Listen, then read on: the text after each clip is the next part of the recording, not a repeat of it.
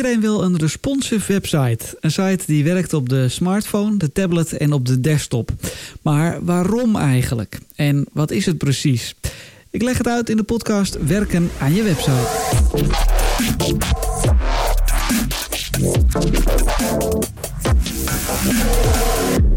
Leuk dat je luistert naar aflevering 3. Het is november 2017. Mijn naam is Teunis van Wijngaarden. Ik maak en onderhoud websites en ik behandel in mijn podcast onderwerpen die ik vaak tegenkom. Het kan zijn dat je een klein beetje geroezemoes op de achtergrond hoort. Ik zit in een uh, ondernemerscentrum en er gebeurt wel eens wat op de gang. Maar dat maakt niet uit, we laten ons niet afleiden. We gaan het hebben over dat onderwerp wat ik uh, vaak tegenkom: responsive webdesign. Nou, het is uh, de standaard geworden eigenlijk. Een responsive site is geschikt voor de smartphone, voor de tablet, voor de desktop of laptop. Nou, dat, dat weten we natuurlijk. En dat het nodig is om op al die apparaten te, te functioneren, dat uh, begrijpen we ook. Um, het mobiele verkeer uh, stijgt uh, nog steeds enorm. En ja, het moet gewoon overal werken. Maar waarom eigenlijk de responsive manier en niet bijvoorbeeld zo'n aparte mobiele website, wat je vroeger nog wel eens zag met m. en dan de domeinnaam, dus m.teunis.nl. Nou, eerst eventjes over responsive webdesign. Kijk, vroeger um, ja, vroeger, het is nog niet eens zo gek lang geleden, maar uh, in technische jaren wel, zeg maar. Uh, uh, vroeger was elk scherm hetzelfde. We hadden allemaal een, nou zeg een 17-inch monitor. Zo'n monitor was, was vierkant. en de resolutie van die monitor, nou, dat was allemaal ongeveer hetzelfde, 800 bij 600.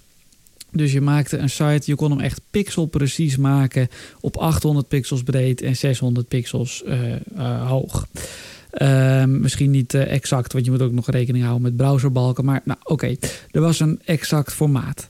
Um, vervolgens werden de schermen werden wat groter. Nou, oké, maken we het formaat wat groter. De schermen werden nog wat groter. Oké, maken we dat exacte formaat misschien nog iets groter. Of we houden hem zo groot als hij is. Want op de grotere schermen kan je dat ook goed zien.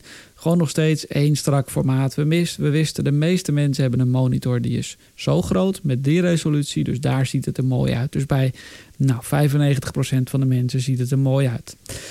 Toen kwamen de breedbeeldmonitoren. Maar er waren ook nog mensen die hadden die uh, smalle uh, of die nou, vierkante monitor, zullen we maar zeggen. Ja, dan wordt het al ietsje lastiger. Uh, vervolgens uh, nou, werden de monitoren misschien wel nog wat groter. Uh, en daarna kwamen de mobiele telefoons waarop geïnternet kon worden. En er kwamen natuurlijk de tablets. Het gekke is, ik heb eigenlijk de volgorde van die twee niet eens meer in mijn hoofd welke er eerst was. Maar we hebben natuurlijk ook nog de PDA gehad. Maar afijn, er kwamen weer kleinere schermen op de markt. Uh, en dat betekent dat je, uh, nou ja, je moet daar ook voor functioneren. En wat er toen uh, gebeurde was, nou, we hebben natuurlijk die grote pixel-precieze site voor het grote scherm. Weet je wat, we maken een hele aparte mobiele variant voor dat kleine schermpje. Want je had alleen de, het kleine schermpje of je had het grote scherm. Maar niet iets er er echt tussenin. Nou, op een gegeven moment kwamen er natuurlijk wel allerlei tussenvormen. Uh, de iPhone 6 is, uh, zit er ook alweer tussenin. Dus die, die keuze van ja, één mobiele site en één grotere variant, dat wordt al lastiger. Plus dat er komen steeds meer apparaten. Dus moet je dan gaan detecteren um, welk apparaat iemand heeft. En dan moet je hem aan de hand daarvan moet je hem een van de twee varianten voorschotelen ja, dat wordt steeds minder praktisch eigenlijk. Um, er is nog een nadeel. Je hebt, als je twee uh, sites hebt, uh, dus de mobiele variant en de desktop variant, heb je dus ook twee sites om bij te houden. Nou, dat is vrij uh, vervelend in onderhoud. Het kost meer in onderhoud en je bent er gewoon meer werk aan kwijt. Als we het even vanuit Google bekijken, zijn er dus ook twee sites om indexeren. Um, ja, dat is ook niet handig. Uh, ja, twee sites van één bedrijf. Dus op een gegeven moment heeft, is Google ook gaan aanraden om de responsive manier te doen.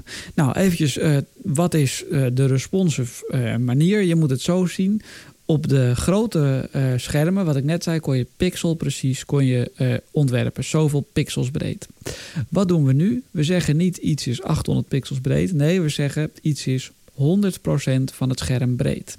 Dus dat kan heel smal zijn op een telefoon. En het kan ook heel breed zijn op een scherm. Op een groot scherm. Um, ja, en alles wat binnen die site zit, zeggen we, nou, dat is dan 50% breed, dat is 20% breed. Nou, je kan je voorstellen dat gaat uh, niet goed als je zegt van ik uh, maak vier kolommen van elk 25% breed. Ja, op een, op een groot scherm is dat hartstikke leuk, maar op een klein schermpje wordt dat te klein. Daarom kunnen we in de stijlen breekpunten instellen. En op die breekpunten zeg je nou vanaf deze schermgrootte, dus als het scherm kleiner wordt dan 800 pixels, dan moeten er andere percentages gaan gelden en moeten die kolommen dus niet naast elkaar komen, maar onder elkaar.